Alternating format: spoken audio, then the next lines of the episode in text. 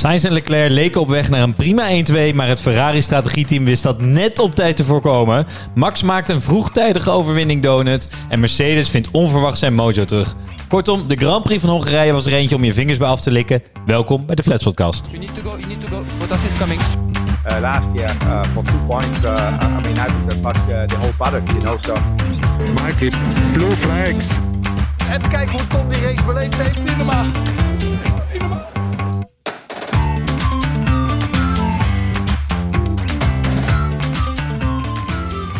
Goedemorgen, middag of avond allemaal. Welkom bij de 14e aflevering van de Flats Podcast in dit tweede seizoen... waarin de meest amateuristische experts van Nederland je bijpraten over de zin... en vooral de onzin van de afgelopen Grand Prix, de Grand Prix van Hongarije.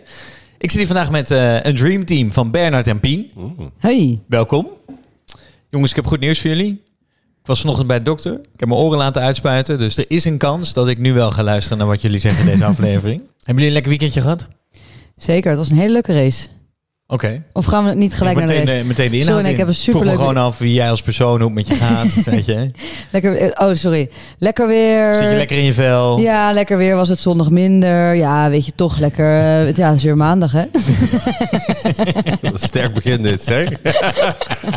Oké, nou dan, eh, ja, weet je, als jullie dan niks verder Ik kan nog even aan jou vragen als je wil. Jullie staan te stuiteren hè, om die race in te gaan. Ja, zoveel gebeurd. Let's go. Ja. Ja, we hebben ook wel eh, we hebben een hoop te vertellen ook deze aflevering. Zeggen we, oh man, oké. Kijken of we er allemaal doorheen gaan komen. ik ben Bram, jullie host trouwens. Voor iedereen die voor de eerste keer luistert, welkom. Hebben we ook nog steeds heel veel, hè? Eerst luisteraars. Dus je moet iedere keer wel een beetje je best blijven doen. Ik ben Pien.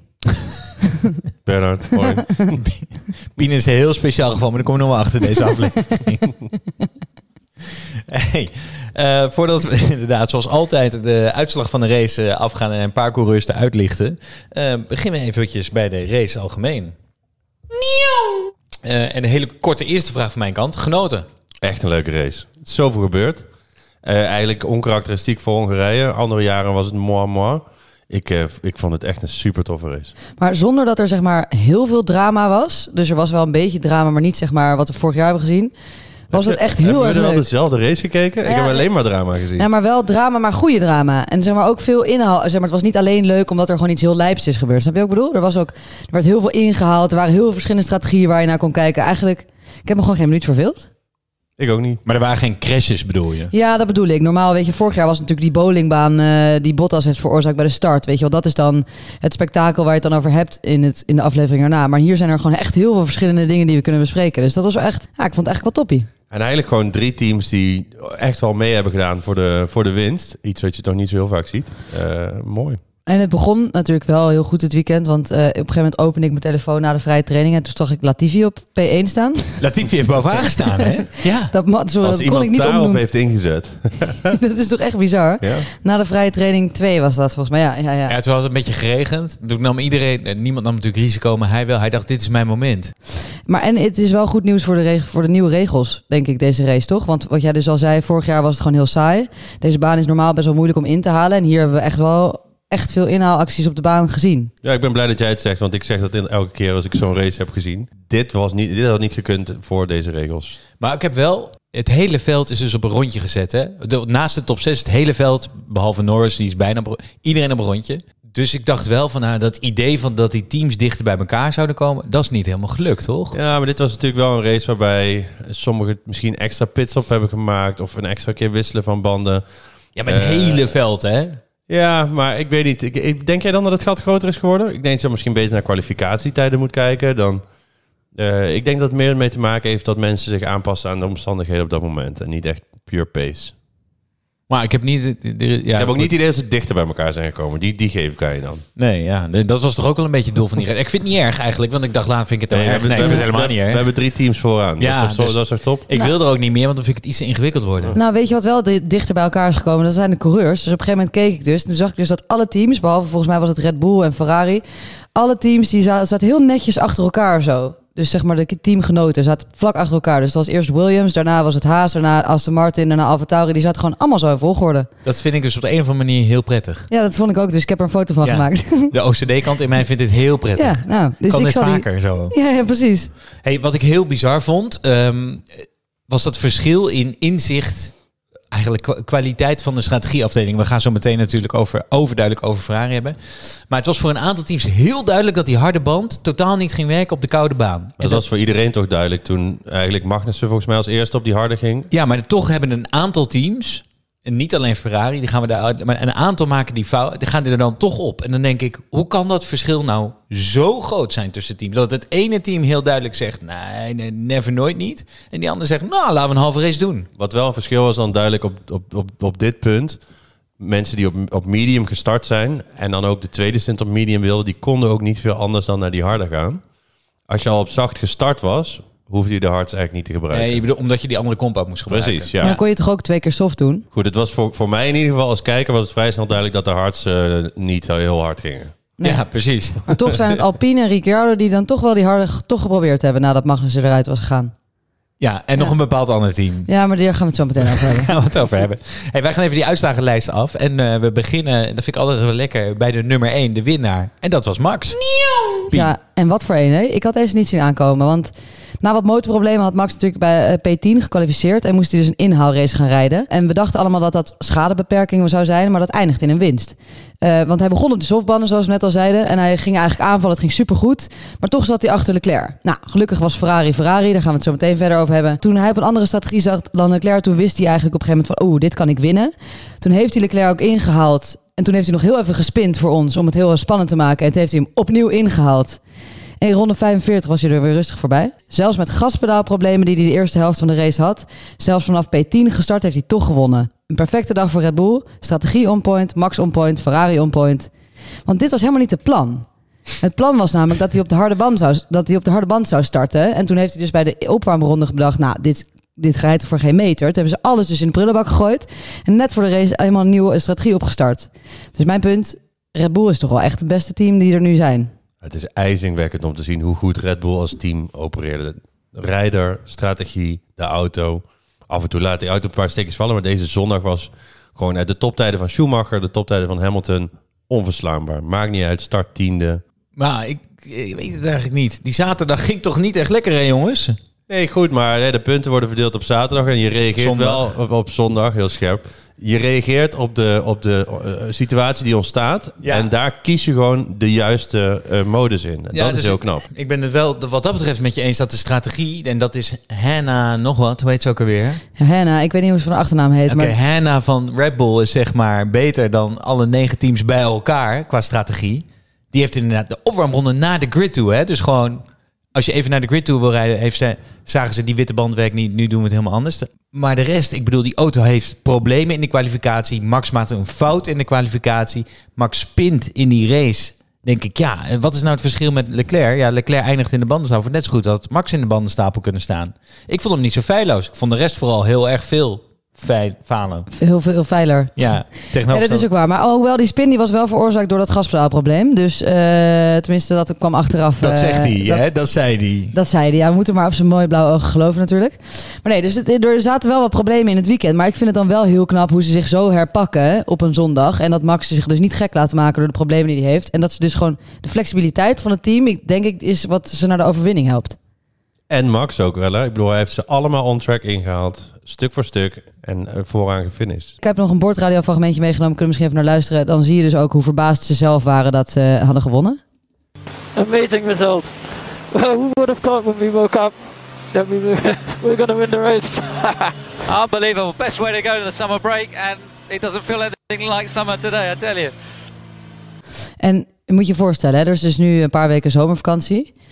Zeg maar, hij staat nu zo ver voor dat hij dus negen weken op vakantie zou kunnen gaan. In plaats van de, de drie of vier weken zomervakantie die hij nu heeft. Zou hij terug kunnen komen in Singapore en dan zou hij alsnog het kampioenschap kunnen winnen. Wel een power move zijn, hè? Het zou toch echt heerlijk zijn als hij zegt... Ik doe nog een rondje op mijn jetski. Ik zie jullie ga ook met paar twee middelvingers op het strand gaan liggen, ja.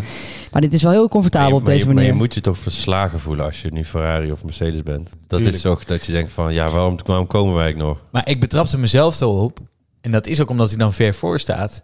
Maar dan, dan, hè, dan gaat die P10 starten in de race. En denk ik, Nou, best leuk eigenlijk. Is kijken wat er gebeurt. Want je kan eigenlijk de popcorn erbij gaan pakken. Je weet dat er ergens een foutje gemaakt gaat worden door een ander. Nou, die is ook gemaakt. Eh, en hij haalt tenminste weer. Ik heb ook wel het idee dat hij op zijn best is als het even tegen zit. Ik moest denken aan die race in Oostenrijk, waarbij hij vanaf de pol bij de start terugviel naar P7 Ja. of P8. Was ook een korte baan. eh, was ook allemaal moeilijk, moeilijk, moeilijk. En toen was hij ook zo goed. Het is, al- je Dat moet was hem- dat seizoen dat ze vaak problemen hadden met starten, toch? Ja. ja, Ja. en je moet hem gewoon max een beetje. Ik denk dat ze hem eigenlijk gewoon standaard maar een tiende moeten laten starten. Maar dat is- Dan is hij op zijn best. Maar dat is wel een beetje de oeuvre van Red Bull, vind ik ook altijd. Zij zijn natuurlijk eigenlijk heel goed als de nummer twee die zeg maar de nummer één aanvalt en dan wint. Ja, dus nu, nu Nu niet, natuurlijk. Nu zijn ze natuurlijk helemaal de leider in de we- wereldkampioenschap. Maar het is wel een beetje de, de sfeer die om dat team heen hangt, Ja, toch? maar ze starten bijna nooit van pol. Nee, Ze daarom. zijn niet echt de, de, de, ze- meestal op zondag moeten ze nog iemand inhalen om te winnen. Ja, dus dat, ik weet niet, dat maakt het natuurlijk gewoon nog een extra mooi team. Maar goed, eh, hij staat dus 80 punten voor op, eh, op Leclerc. En Is, is het eh, ooit gebeurd dat iemand niet kampioen is geworden met 80 punten voorsprong?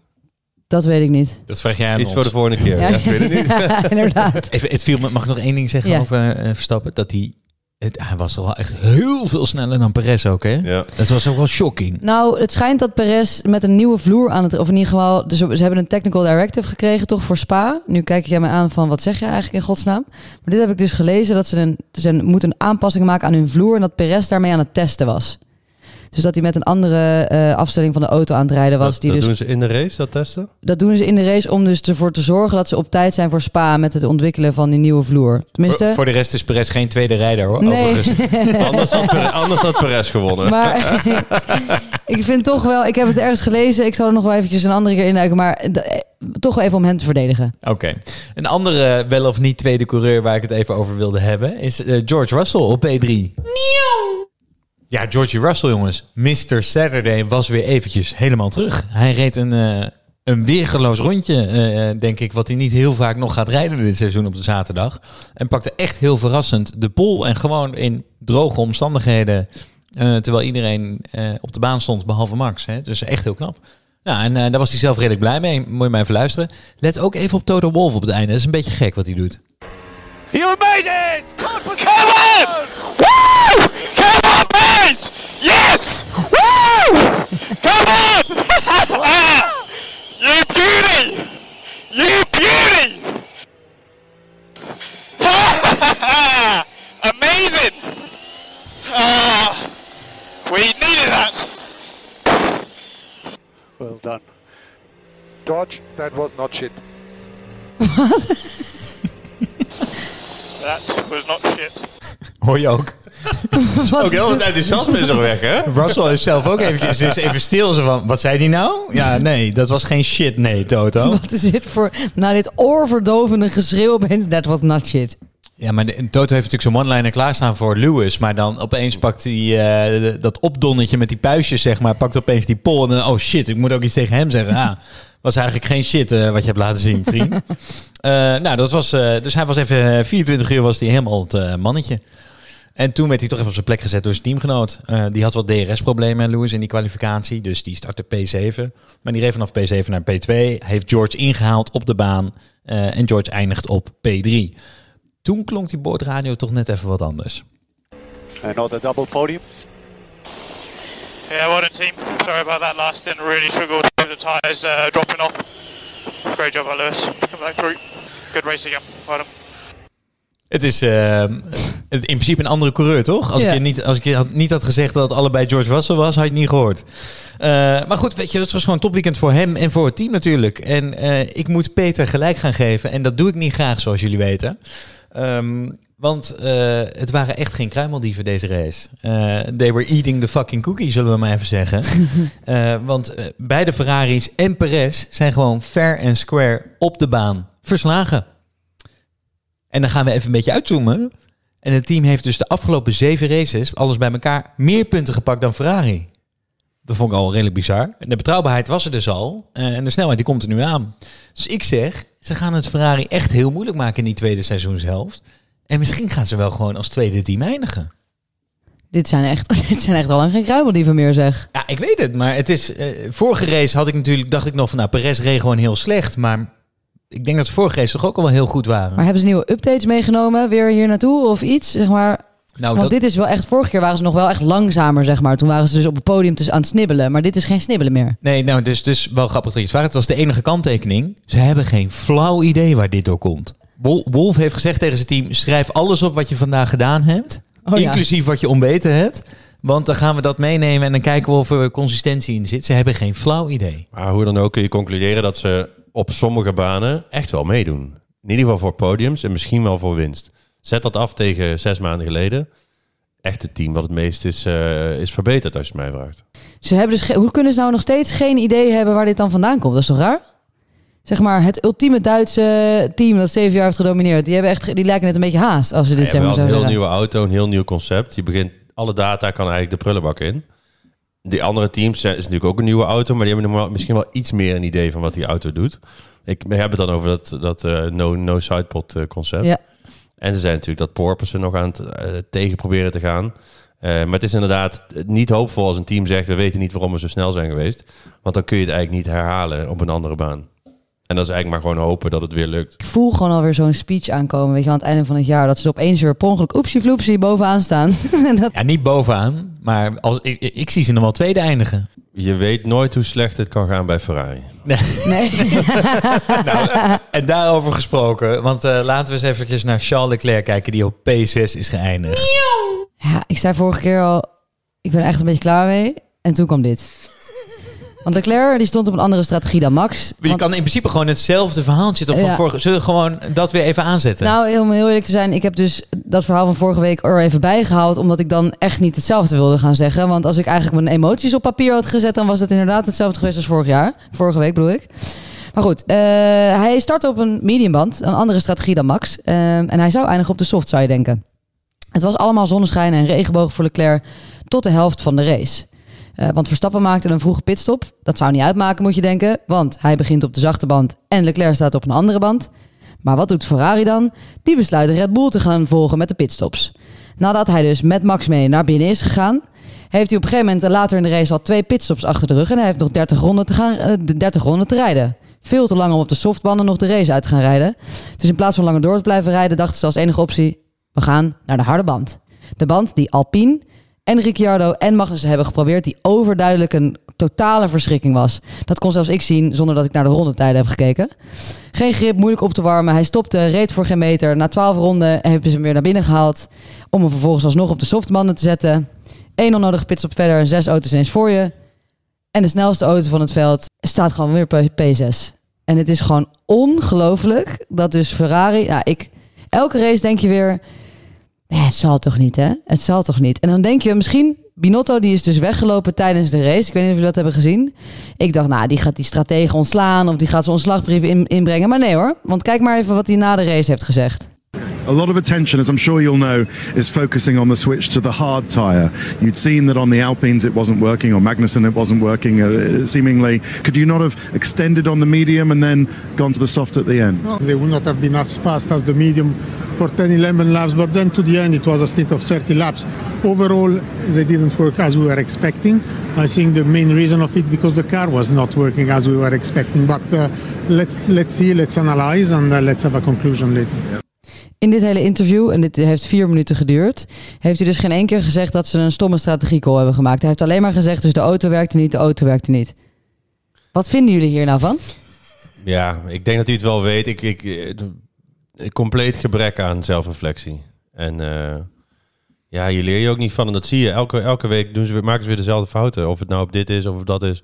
Strategische fouten is echt de Achilleshiel van Ferrari. Zeg maar heel even, je hebt gewoon, je hebt het hele kampioenschap in de prullenbak gegooid terwijl je eindelijk een snelle auto hebt gebouwd. Dan ga je toch gewoon eventjes die hele, hele garage kort en klein slaan. Of ben ik nou helemaal gek geworden? Misschien doen ze dat achter de schermen en durven ze het niet aan ons te vertellen. Maar het, het, het lijkt van niet in ieder geval. Ja, ik, ik weet niet wat ik moet zeggen zonder mezelf te gaan herhalen. We hadden, ja, we kunnen hem ook, we hadden het punt ook niet erin. Even, Oké, laat ik het zo zeggen. Eh, ik, ik ga het even een andere invalshoek proberen te geven. Dat we in ieder geval nog Dus- Ik proberen vind te het begrijpen. gewoon een hele harde boodschap dit. Maar het is toch, zeg maar, ben ik nou... Oké, ben, Je zeg bent maar, te hard. Nee, nou, die banden waren te hard. Je hebt geen hart meer voor Ferrari. Het is de harde realiteit. Het was hard tegen soft. Het zijn gewoon stelletje softies daar. Ja, Waren nou, maar softies. Waren maar softies. Godverdomme, hard op je bek gegaan in Hongarije. Ze ze, ze wilden helemaal niet naar die harde band gaan. Maar ze hebben dus gewoon, ze hebben ze zich nou om de tuin laten leiden door Max. Om daar, daarin dus mee te gaan. Had iemand gezegd dat hij op een andere strategie stond? Ja, ze hadden die, die tweede stint op die mediums hadden ze moeten, moeten verlengen en dan op softs naar het einde. Het was niet heel moeilijk dit. Wat ik een beetje mis, is dat zo'n Leclerc dan niet gewoon zegt, nee, ik wil die harder niet. Dat zou Max hebben gedaan, dat zou Hamilton hebben gedaan. Ik zie En- dat en die, Sainz, oh, doet dat en ook. Sainz doet Ja. dat ook. Ja. Ik vind dat Leclerc eigenlijk te weinig opstaat tegen zijn team. En ik denk dat ook heel de wereld het zou begrijpen als hij het zou doen op dit punt. Maar elke keer doet hij wel wat hem wordt opgedragen. En zegt hij achteraf, ik wil het eigenlijk niet. Nou, dat, want ik heb namelijk een boordradio ook geluisterd. Leuk dat ik die al niet mee heb genomen. Maar een boordradiofragment geluisterd van Charles Leclerc meteen na de race. En toen vroeg hij eigenlijk gewoon een beetje van... Oh, eh, hoe is dat eigenlijk dan gegaan eh, met, die, allemaal met die harde band? En die ging eigenlijk heel slecht. En hoe hebben andere teams dat dan gedaan?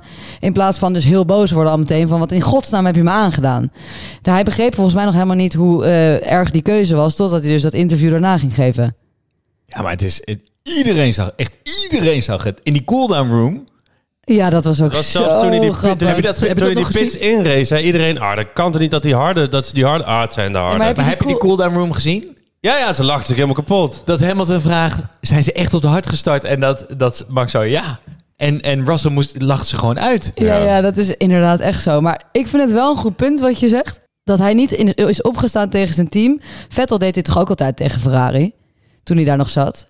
Die heeft gewoon gezegd, wat is dit een larikoek? Ik ga hier helemaal niet in mee. Vettel heeft op een gegeven moment die berekening voorgekoud aan zijn engineer... terwijl hij aan het racen was. Ja, maar dat bedoel ik. Dus dan is het ook wel een beetje... Ik bedoel, het ligt totaal aan het Ferrari-team, laten we heel eerlijk zijn. Maar meer van, je zou Charles Leclerc toch wel iets meer moeten pushen. Wil je Het daar is- nog iets het- Het uithalen? zou niet van Leclerc moeten afhangen. Maar op dit moment zit je wel op een punt dat je ook van Leclerc een beetje verwacht dat hij...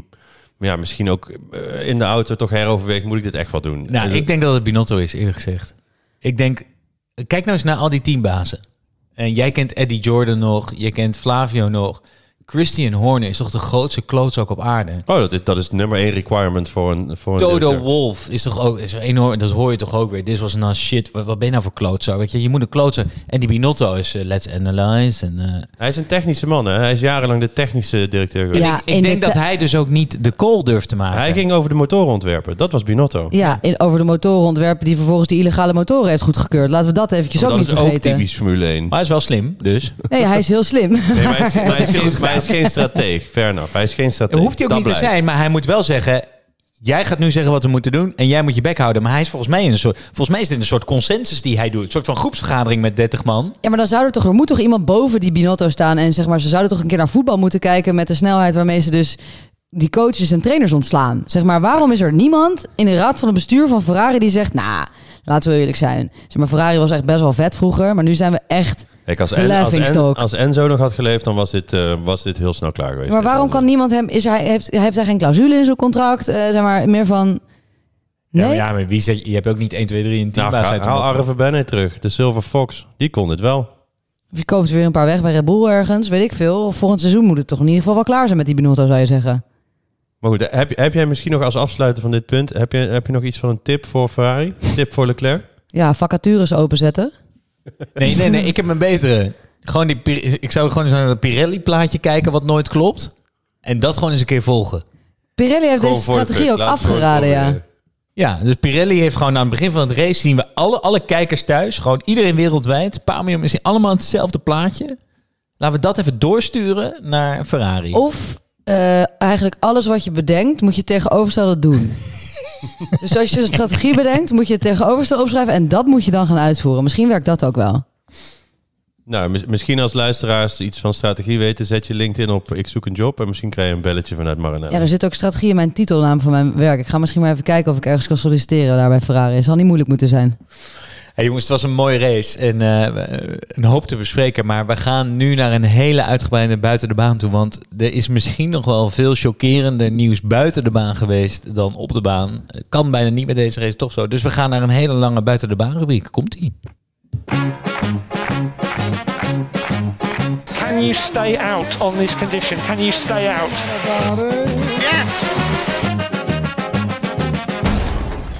Ja, de rubriek buiten de baan, waarin Pien altijd een leuk feitje van buiten de baan volgens mij neemt. En Pien, wat heb jij deze week dan allemaal zo al meegenomen waar we het zo lang over gaan hebben? Eh, ja, want eh, er, gaat, er gaat iemand weg. En niet zomaar iemand.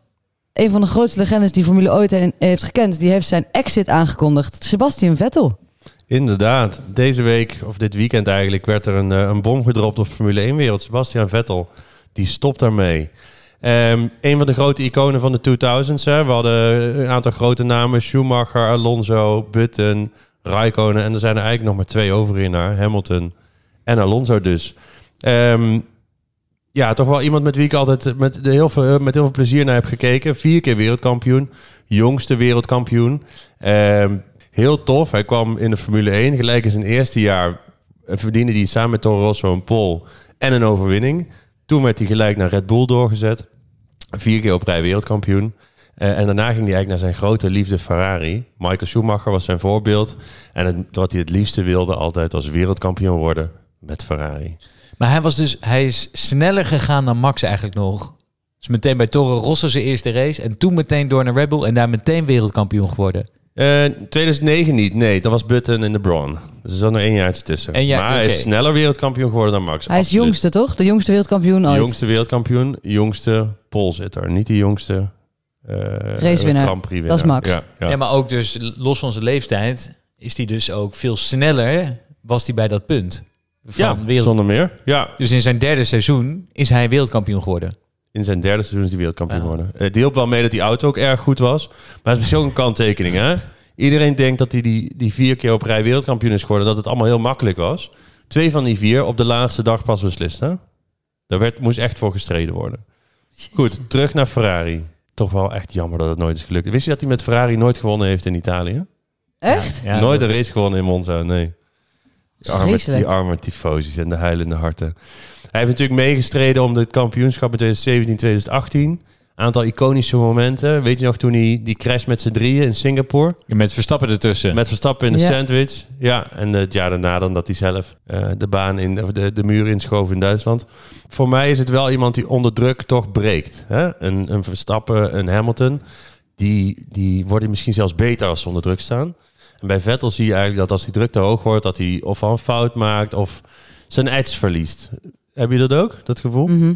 Ja, met Weet name je die, hoeveel spins hij heeft gemaakt? ja, die Ferrari-jaren waren, waren pijnlijk wat dat betreft. En dat team hielp natuurlijk ook, ook... Ferrari heeft hem ook kapot gemaakt. Ja, maar hij heeft zelf ook wel fouten gemaakt. Ja, dus dat is nooit echt gelukt. En dat vind ik toch wel echt een van de van grote tragedies in ieder geval van de afgelopen tien jaar. Daarnaast moet ik even gemeld worden. Hij is natuurlijk voorzitter geweest van de Drivers Association. Hij doet veel naast de baan voor de regenboogbewegingen en voor het klimaat. Volgens mij een boek geschreven over bijen of zo. ja, Maar goed, als we terugkijken naar Vettel. En dat is eigenlijk het grootste punt wat ik wil maken. Ik zie hem dus als een van de grote kampioenen. Ondanks dat hij dus niet echt stressbestendig is. Hoe zien jullie hem als kampioen? En staat hij op de lijst van de beste coureurs ooit? Ik denk dat hij op persoonlijk vlak heel erg gewaardeerd wordt als kampioen. Ja, natuurlijk ook. Je bent vier keer wereldkampioen geworden achter elkaar. Maar ja, het is een beetje in de plomp geëindigd. Maar het is apart dat heel weinig mensen hem echt in de top 5 zetten. Of in de top 10 misschien zelfs zo. Ja, voor mijn gevoel moet je ook een beetje eh, toch met meerdere teams kampioen zijn geweest. Om in, in het echt legendarische rijtje te komen. Dus Hamilton die wordt nooit... Oh, McLaren trouwens. Hey, die net op Zo, tijd. Dat ja. piept in de bocht. Ja, Ja, ja, dat piept in de bocht. dus die heeft twee teams. Ja, het is toch een beetje vier keer achter. Maar ja, ze waren ook goed toen. Was die niet gewoon net... een- Ja, weet je, dat, wil je echt legendarisch worden voor mij, moet je het in meerdere teams doen. Alonso had ze ook alle vier gewonnen dus. Als hij bij Red Bull had gezeten. Ja, zeker. Ja, ik denk het ook. Dat, ja, precies. en ik vind wel, dus ik, vond, ik vind hem heel leuk geworden in die laatste twee jaar Aston Martin. Ja. Waarin die dus heeft bedacht, oké, weet je, het hoeft voor mij allemaal niet meer zo super competitief. En ik ga nu mijn bekendheid gebruiken voor bredere thema's. Hij heeft een waanzinnige afscheidsspeech gegeven. Ja, die moet je even kijken. Ja, die zal ik even op de Insta zetten. Zijn exit vond ik legendarisch. Hij was altijd, eh, heeft nooit social media kanalen gehad, vond hij onzin. Heeft hij ook altijd zo gezegd. Mhm. Heel internet super blij dat hij van de week een Instagram account aanmaakt. Eerste post, zijn afscheidsfilmpje. Ja. Dat briljant. En een speech, jongen, nou, die, die echt, eh, ja, die moet je allemaal echt eventjes opzoeken. Ja, vier minuten kippenvel. Ik zal hem op de Instagram zetten. En inderdaad, behalve zijn exit heeft zijn haar wel een comeback gemaakt. Dat zie je dan ook weer heel goed op dat filmpje. Dat is ja, dat echt is ook echt een niet... beetje zo'n Obama voordat hij president werd en daarna. Hè? Ja, ja, ja. was, hij was helemaal kaal. En hij zag eruit als een beetje een soort van op het, op, eh, als afbeelding op een pakje sigaretten of zo. eh, toen hij bij Ferrari kwijt was. Ja, ja, ja, ja, dat is wel echt was. zo. Heeft hij Ehm, een tripje gemaakt. Maar we gaan, we gaan een legende gaan we moeten missen wel. Ik, vind het wel. ik ga hem echt wel missen. Oké. Nou, wat een waardig afscheid hebben we hem gegeven, zeg. Jeetje, mineetje. En hij moet nog even. En hij moet nog even, ja. Hij is al tiende geworden deze race, puntje gepakt. Maar goed, daar praten we niet over. Want je had, eh, je had meer punten buiten de baan. Ja, nee, zeker. Over de pensioenpeloton gesproken. Eén iemand gaat er weg en de ander gaat opeens weer een heel nieuwe... Die heeft weer een nieuwe midlife crisis te pakken. Eh, want wat er vanochtend vers van de pers is binnengekomen... is namelijk dat Fernando Alonso is, ga- gaat, gewoon, gaat gewoon weer van team wisselen. Hij gaat naar Aston Martin voor deurie, zeg. Het is wel de koning van de discutabele carrière moves, hè? Maar het is echt... Van de, van de verkeerde keuzes. Maar zeg maar, deze had ik ook persoonlijk niet echt gedaan. Zeg maar, ik weet niet hoe goed Lance of Lawrence Stroll, de vader van Stroll, is in sales. Hè? Dat hij dus Vettel eerst heeft binnengeharkt en dan nu ook Fernando Alonso met een of andere grote belofte die hij niet waar gaat maken. Maar als je dan nu in een Alpine zit en jij gaat dus nu naar Aston Martin volgend jaar, dan is in ieder geval de verwachting niet dat je het beter gaat doen. Eh, nou, misschien niet. Wat wel zo is, is dat eh, Aston Martin heeft heel veel geïnvesteerd in nieuwe faciliteiten. En dat komt nu allemaal een beetje... eh, het begint het allemaal te openen. Dus een nieuwe fabriek, een nieuwe windtunnel volgens mij. Misschien dat dat hem over de streep heeft getrokken. Maar als je kijkt naar dit seizoen, eh, ze doen het niet echt lekker nu. Ik vind het eigenlijk eh, compleet logisch. Want hij zit bij Alpine. Die contractonderhandelingen liepen dus niet goed. En ze hebben Piastri klaarstaan. Heb jij twee, races, Ja. twee races geleden heel goed uitgelegd. Voor hetzelfde geld zegt Alpine op een gegeven moment... joh, je bent ons te duur. We gaan alsnog voor Piastri. En, en race hij niet meer. En hij wil gewoon racen. Maar, maar, En dan Ja. komt dus... kleine, kleine toevoeging, helemaal eens met je. Er stond een clausule in het contract met Piastri. Als Piastri geen, geen zitje heeft bij de zomer, mag Piastri weg bij Alpine. daarom. Dus, dus, Dus het moest nu. Ja, en er werd ook al wel druk op gezet, ook door Alpine. En dan komt Lawrence Stroll, super snel geschakeld trouwens. Hè. Woensdag uh, kondigt Vettel het aan. Die komt met een mega contract aanzetten, waarschijnlijk. Hè, want die, had nog, die heeft wel, wat geld. Je hebt gegarandeerd twee jaar een stoeltje, je wil blijven racen. En eh, hij heeft dus heel eerlijk gezegd Alonso van... ja, als ik, als ik een van de drie teams had kunnen nemen die nu winnen... had ik het natuurlijk meteen gedaan. Ja, maar daar heb ik de keuze niet uit. Dus weet je, ik ga voor iets wat nog wel een beetje ambitie heeft... en waarschijnlijk gewoon goed betaald. En ik snap het wel. En Ja, zegt, zegt dit ook niet iets over Alpine? Want we hebben in de, in de niet zo lange eh, verleden hebben we Ricciardo die daar zomaar is weggelopen. We zien nu Alonso die daar zomaar wegloopt. Is dat team misschien ook minder ambitieus achter de schermen dan we denken? Of het is een beetje zo'n tussenstation van... oeh, ja, ik ga er alles aan doen. Oeh, beter plan. Terwijl ze, ze staan eigenlijk, Niemand wil ze echt staan naar Alpine. vrij solide vierde. Hè? Ik bedoel, het, team draait ook prima dit jaar. Ik zou, even, ik zou ook niet naar Alpine willen. Ja, ik bedoel, als we een zitje in de Formule 1 zouden... dan zou ik het misschien wel doen, maar... eh, ja.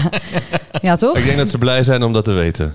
Dat Pien mee zou doen. Ja, maar ik zou, ik zou Marshall worden die auto's de weegbrug opduwt hoor, als ze het me vragen. Maar ja, tuurlijk. los daarvan. Wat wij, oh ja, nee, dus ik zat wel even te denken dat Aston Martin is natuurlijk is een soort bejaardentehuis, toch? Dat je eerst Vettel neemt en nu Alonso. Ja, natuurlijk. Hij gaat gewoon letterlijk door tot, eh, tot zijn pensioenleeftijd ongeveer als het doorgaat. De grijze haren mogen het hier eventjes uit gaan zingen. Ja, dan heb je dus een, een stroll en dan heb je dus een opa in het team. dat is toch ook weinig ambitieus. Van opa naar overgrote opa. Ja, die, die, ja Stroll, ik, ik weet niet of Stroll het heel fijn vindt, Stroll junior. Ja, wat maakt hij het wint hem uit? natuurlijk nooit van Alonso. Nee, maar ja, hij gaat ook nooit uit het team. Dus ja, in dat opzicht. Weer, weer, weer een jaar van je teammaat vind echt- verliezen. Ieder woord wat we aan Stroll besteden vind ik een belediging voor Snel deze door naar de podcast. volgende. Ja, want we hebben nog een buiten de baan punt. Ja, het was heel druk buiten de baan was het. Eh, namelijk, ehm, er is nog meer nieuws. En dat is nog niet officieel officieel, maar wel officieus officieel. Ehm, Mhm. zoals dat dan altijd gaat. Heb ik van mijn spionnen heb ik dat weer ontvangen. Namelijk, eh, Red Bull die gaat weer eh, met iemand eh, in bed. Ehm, en dat is, dit keer is dat Porsche. En dan denk je van, hé, wat is een verrassing. Nou, ze zijn er al jaren gaande geruchten dat zij hun handen ineen willen slaan. En vanaf 2026 dan veranderen de motorregels. Dus dan gaan alle motors op de schop en dan komen er hele nieuwe motoren. Dat is ook een moment dat er nieuwe motorleveranciers dus de Formule 1 kunnen gaan betreden. En Porsche die wil daar heel graag aan meedoen. Dus die nemen 50%, die hebben 50% belang in Red Bull Technology. eh, Wat valt daar precies onder? daar valt, nou ze gaan via de Red Bull Powertrains, dus als dat bedrijf dat dus die motoren zelf gaat maken, gaan ze dus een nieuwe motor maken voor 2026. Dus het wordt Red Bull Porsche, wordt dan het team. Klinkt goed, hè? Ik voel het goed. Ja. Klinkt wel echt vet. Ja. Ja, het bredere nieuws is natuurlijk dat de Volkswagen groep een soort van groen licht gegeven aan- heeft aan Porsche. En, en die hebben lang lopen flirten met Formule 1. ja, maar je Volkswagen hebt, groep. je, hebt, ja, je hebt dus Porsche en je hebt eh, Audi? Audi. ja. Mogen allebei dus de Formule 1 instappen. En dat, dat hangt al wel een jaar boven de markt. Maar het is even de vraag of je, eh, zeg maar, je kan gewoon sp- sponsor worden, zoals Alfa Romeo doet. Eh, of je kan zelf een team opstarten en, er, en alles ertussenin. Zo, Maar- zie, zo zie je ook hoe goed eh, Liberty Media is voor Formule 1. Hè? Een aantal jaar geleden wilde er niemand de sport betreden. En nu staan ze in de rij om mee te kunnen doen. Het is winstgevend nu. Het, is, het, is, het draait. En dan rijdt Max wel gewoon in een Porsche straks, weet je. Dat is toch wel... Het zou wel echt lekker zijn, want als Renault dan opeens je team gaat overkopen, ja, dan baal je toch wel een is- beetje, toch? Ja, het zou gewoon eh, een vrouwenmagneet worden het dan ook, toch? Ja, precies. Anders rij je in een Renault Clio en nu rijdt toch wel eventjes lekker. je, je hebt nooit de company cars van Ferrari, maar het komt in de buurt. ja, het komt in de buurt. Oké, hey, we, we duiken dan ook meteen eh, met dit nieuws de lekenvraag van de week in. Want we kregen ook meteen over dit nieuws een eh, lekenvraag binnen. Uh, Michael, I just send you an email um, with the diagrams where the car should be. Did you receive that? Uh, yeah, then you should maybe look at this because there is something with the rules coming up.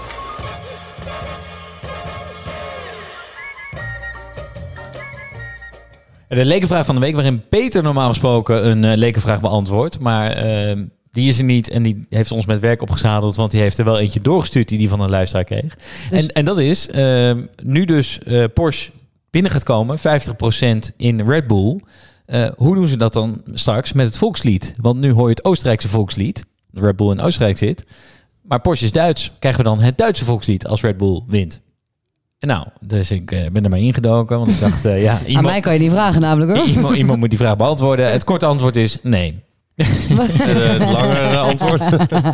Eh, want het volkslied wordt bepaald door het land waar je je racelicentie hebt gekregen als team.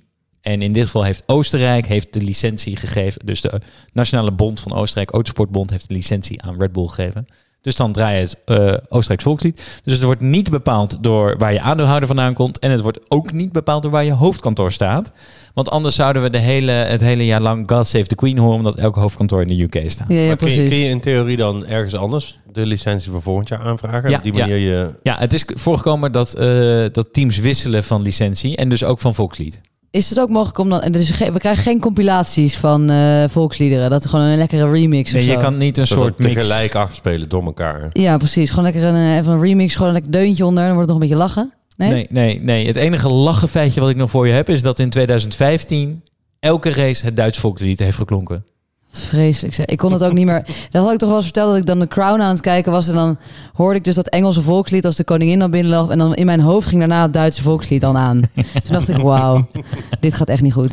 Dit heeft Hamilton jou aangedaan. Ja, dit heeft Hamilton mij aangedaan. Goed. Hey, wie ik ook vaak in mijn hoofd hoor eh, vlak voordat ik ga slapen is eh, de column van Dichter Luc. En hij heeft ook deze week weer een column voor ons geschreven.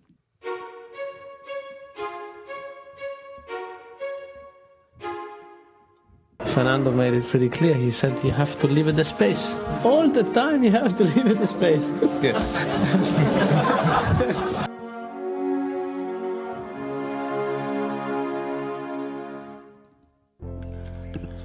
Hungaroring heeft net als vorig jaar een zondebok. Ferrari. De rode trots wordt meer en meer het zwarte schaap, het lelijke eendje. En ze worden uitgelachen om hun verschijning, hun vertoning, hun naam, hun kleur, hun band. En inderdaad, je kunt je afvragen waar de fuck zaten ze dit weekend met hun verstand. Ze konden meermaals zien dat die witte echt niet werkt. En doen ze dat dan expres misschien? Want de strategische slippers volgen elkaar in hoog tempo op, sneller dan de auto's zelf kunnen reageren. En ook ik kom er niet bij. Gelukkig hebben we niet alleen ongelukkige slippers gezien dit weekend. Max slipte ook. Hij spint, vloekt eens beschaafd, drinkt nog een Red Bull en wint. Zijn tweede WK. Fenomenaal. Hij is en zij zijn gewoon weer de beste van allemaal. En met deze terugblik kunnen wij naar de vooruitblik. Eh, en dat is de Grand Prix van Spa. Maar voordat we dat doen, wou ik het even over... Hè, we zijn ook op een seizoenshelft. Volgende race pas over vier weken. Dus het is nu zomerstop. We hebben 13 races gehad. We hebben er nog 9 te gaan. Ik denk even tussenbalansje. Nou, bij de coureurs hebben we het net over gehad. Max helemaal los van de rest. 80 punten voor. En de nummers 2 tot en met 6 super dicht bij elkaar. Dat is nog spannend.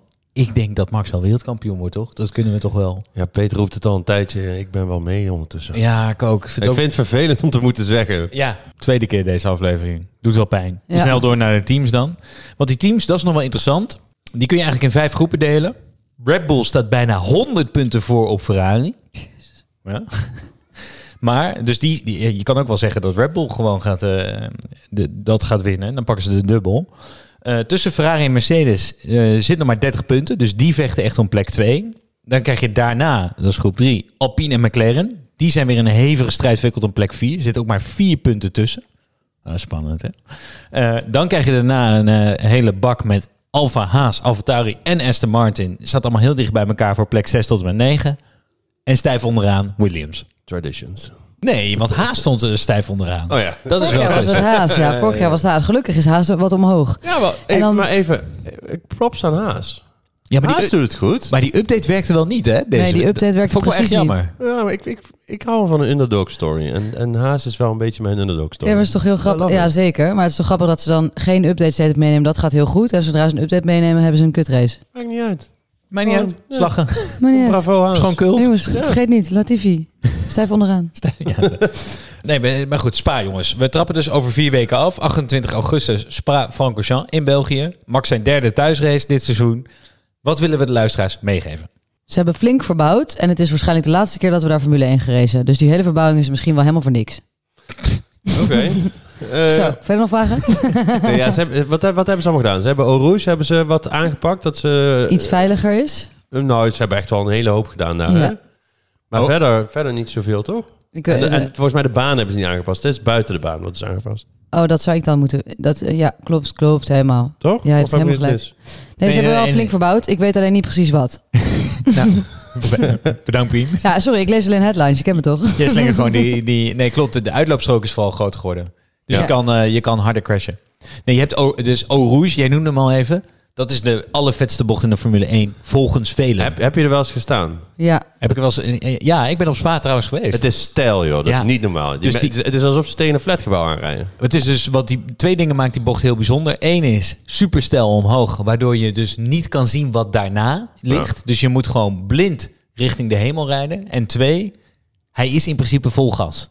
Nee, dit is echt bizar. Ik heb daar gestaan toen het dodelijke ongeluk daar was. Toen stond ik in, aan de Eau Rouge. Dat was echt, eh, dat was wel echt een van de bizar, meest Jij, jij was daar toen dat gebeurde. Ja, van de Formule 2. Toen, Van eh, Antoine Hubert. Ja, dus toen stond ik in de paddock van de Formule 2. Bij de Eau Rouge. Ja, dat was Jeetje. een hele bijzondere Hadden- Hadden ervaring. ze gelijk door hoe erg het was? Nee, we hebben daar echt anderhalf uur gestaan eh, in eh, totaal ongewis. En niemand wist echt wat er aan de hand was. Jeetje. Ja. Dat is niet leuk. Maar leuke afsluiter, hè? Goed. Nou, dus Eh, eh, ja, dan kunnen we hebben wat er vorig jaar gebeurd. Ja, helemaal niks. Want toen is die race dus verregend. Oh ja, ja, ja. ja. En Ja. toen hebben we twee rondjes achter een safety car gehad en that's it. Ja, toch Nee, maar verder, het is een prachtig glooiend landschap. Het heeft rechte stukken, het heeft hoog downforce. Over het algemeen echt een leuke race. Maar inderdaad... Hij gaat van de kalender ze- af. eh, ze- het levert niet genoeg geld op. Moet ik zeggen, op tv is het dus leuk. Toen ik er was, en je hebt die in de paddock gestaan, dus je hebt nergens last van gehad. Je kon niet eens pinnen als je daar een, een pilsje bestelde. Oh, maar dat kan Wat in dan? België op heel veel plekken. Dan moet je dus teruglopen naar het dorp. Dan moet je daar uit eten. Dat is echt, dus Spa is dus ook 10 minuten, kwartier lopen. Geld pinnen en weer terug naar het circuit. Ja, maar ik heb dat sowieso wel vaker met die circuits. In Frankrijk was het ook echt niet best, hoor. Nou goed. Hey, nog heel, eh, de- het wordt wel ook het circuit genoemd.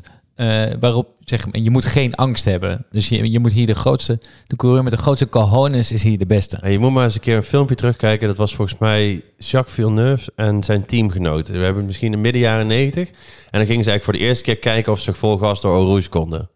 En dat ze dus keer op keer crashen daar. En vanaf dat moment durft iedereen vol gas. Moet je eens een keer bekijken. Super interessant. Ik vind het een post voor eh, de social media kanalen. Zeker weten. Hey, wij gaan dus ook even op break. Maar op 28 augustus keren wij terug met een special guest. Hele speciale gast, ja. Die kunnen we, nou, gaan we nog niet aankondigen wie dat is. Maar het wordt een hele speciale aflevering. Dus eh, ga lekker op vakantie, geniet ervan. Vergeet even over Formule 1. 29 augustus zetten wij weer de aflevering online. En die wil je echt niet missen. Prettig dat je de data nu wel goed hebt. Ja, toch? Ja. Sorry dat ik dat vorige week nog verkeerd zei overigens. Maar goed, niemand luistert toch meer tegen Nee. de tijd dat we bij dit punt van de aflevering zijn. Precies. Want we gaan afsluiten. Hey, ik wil jullie heel hartelijk bedanken voor het luisteren. Eh, volg ons op Flash Podcast F1 Instagram. Daar gaan we ook een hoop dingen posten die we deze aflevering besproken hebben. En we zien jullie allemaal na de zomerstop. Joep. Yo, Hey, hoi. prettige dagen.